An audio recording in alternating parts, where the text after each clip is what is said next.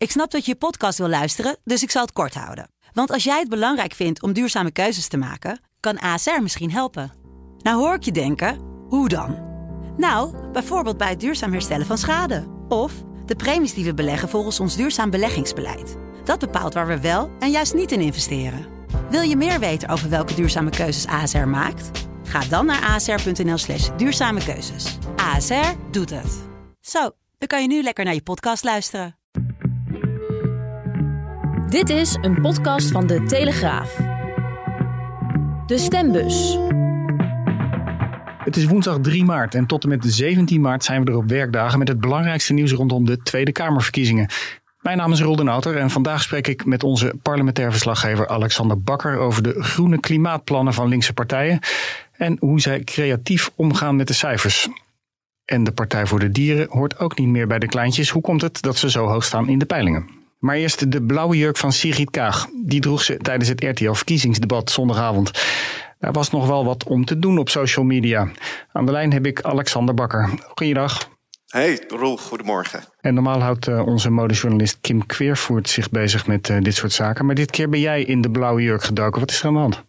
Ja, ja, ja. Er waren ontzettend veel reacties op die blauwe jurk gekomen. Uh, overigens niet negatief. Veel mensen vonden het mooi.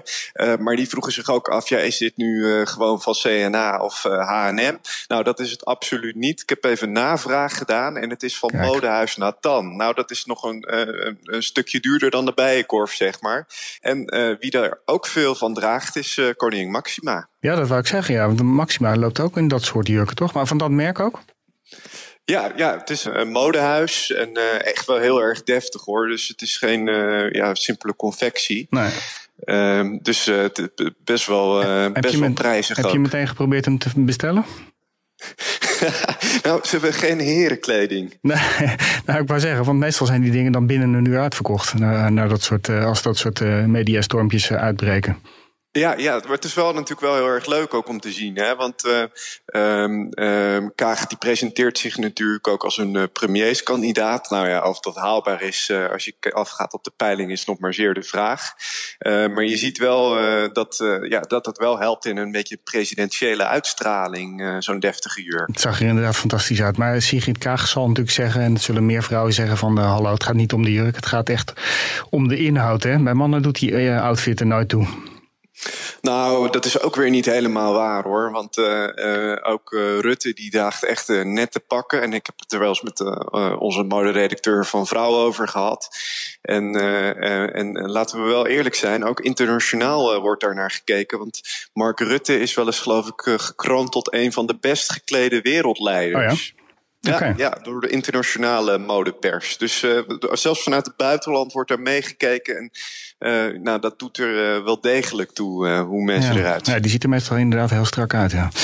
Even wat naar serieuzere zaken. We hebben al veel gehoord over die doorrekeningen van het Centraal Planbureau. En dan de financiële effecten van die, al die verkiezingsprogramma's. Tenminste, een beperkt aantal verkiezingsprogramma's. Hè. Maar het CPP heeft ook alle groene plannen doorgerekend. Waarom hoor je daar eigenlijk nu weinig over? Ja, dat was, het, was niet het CPB, dat was het Planbureau voor de Leefomgeving, het PBL. En uh, traditioneel laten ook wat minder politieke partijen hun verkiezingsprogramma doorrekenen. Want dan gaat het echt op klimaat, op uh, milieuzaken en uh, natuur. En dit jaar ook voor het eerst op, op wonen. Alhoewel daar eigenlijk niet zo heel veel uitkwam. Want PBL was er zelfs een beetje kritisch over. Van, ja, er zijn zoveel onzekerheden dat het nou nog maar de vraag is of ze het woningtekort in Nederland kunnen oplossen.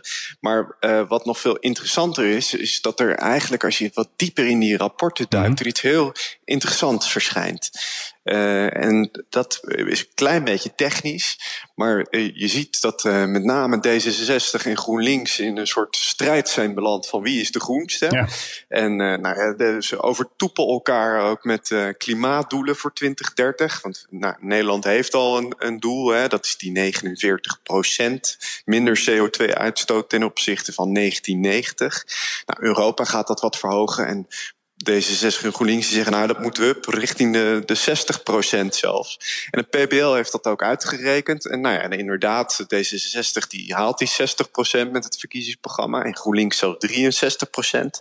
Maar als je dan gaat kijken hoe ze dat doen, eh, dan zie je met name bij GroenLinks, maar ook bij de Partij van de Arbeid, dat ze een deel van die CO2-uitstoot van de industrie uh, ja, willen afvangen en mhm. eigenlijk onder de grond willen stoppen. Dat heet oh. CCS. Nou, dat kent niemand die term.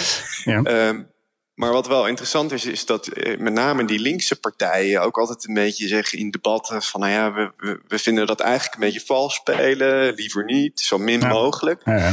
Um, maar ze stoppen dus eigenlijk met CO2 onder de grond. En, en dat helpt hun dus om een, uh, een hogere CO2-reductie Oké, okay, want dat plan uh, heb ik ze jaren geleden over gehoord. En daar eigenlijk de laatste tijd hoorde je daar helemaal niks meer over. Maar die, dat is nu van stal gaat om aan die 60% te gaan komen. Om weer mooi weer te kunnen spelen natuurlijk.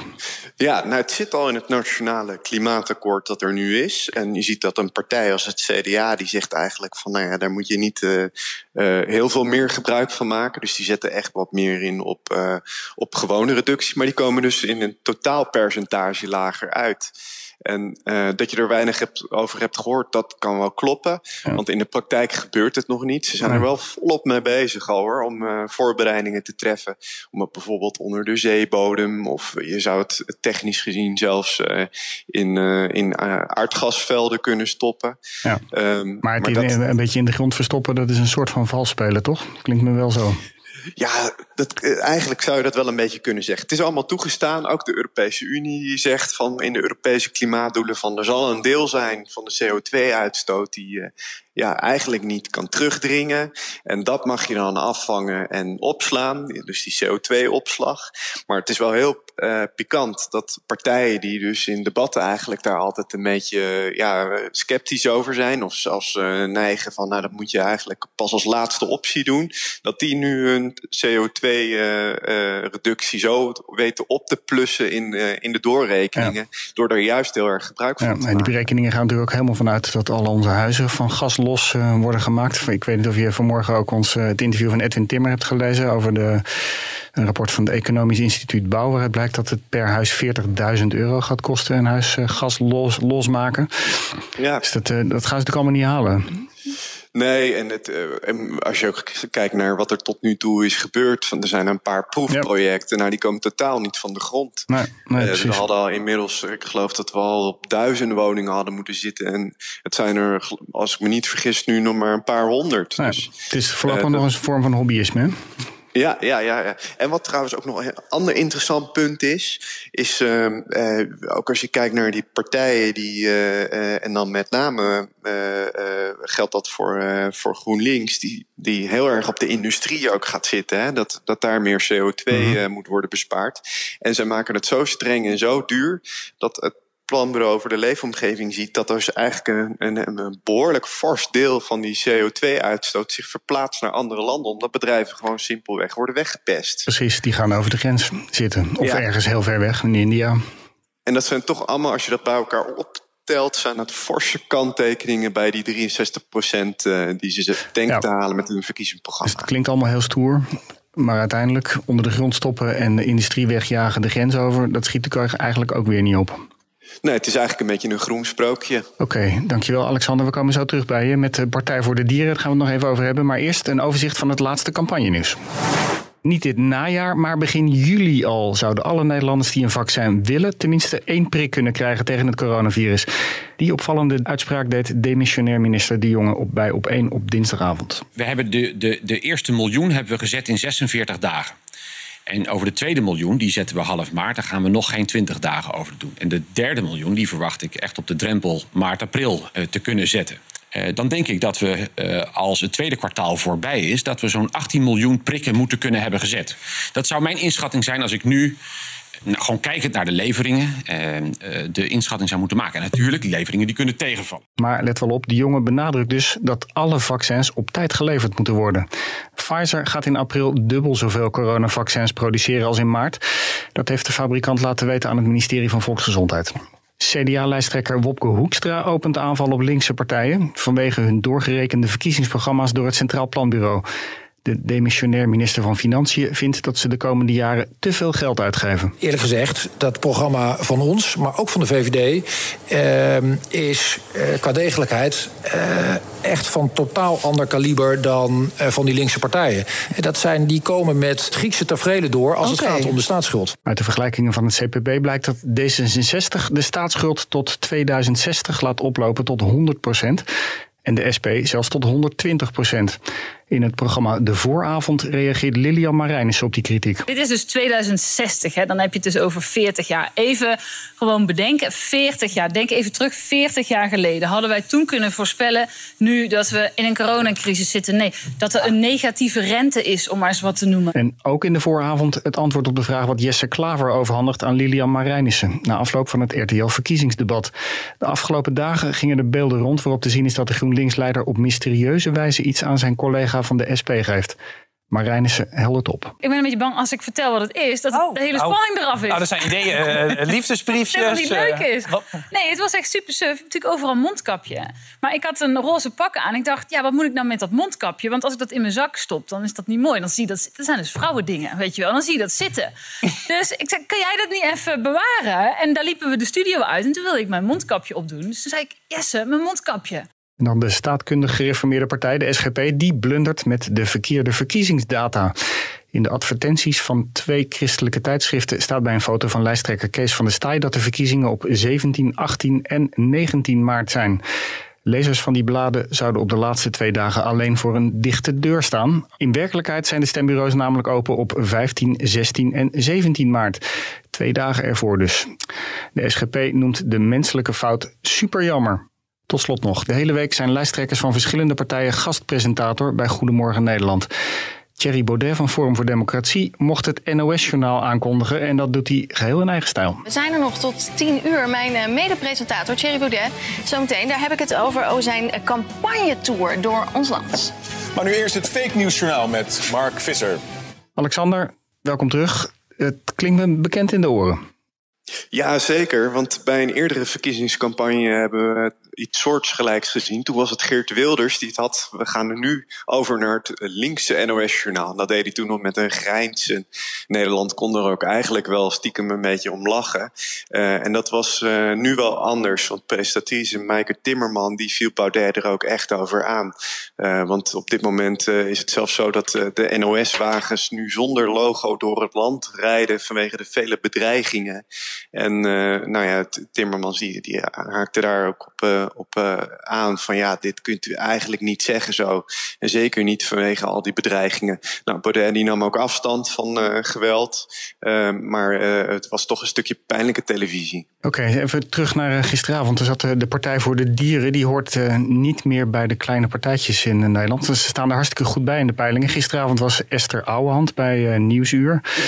En anders dan de jaren hiervoor zou ze in een volgend kabinet best willen meeregeren. Ik zeg steeds, de Partij voor de Dieren is klaar om te regeren. De vraag is of anderen klaar zijn om te regeren met ons. Ja, en dat is echt wel een, eh, een, een nieuwe koers van Esther Ouwehand. Haar voorganger Marianne Thieme, die, uh, die was wat meer van... nou, wij zijn een, eh, een, een partij die meer in de Kamer zit... om bepaalde idealen te verspreiden.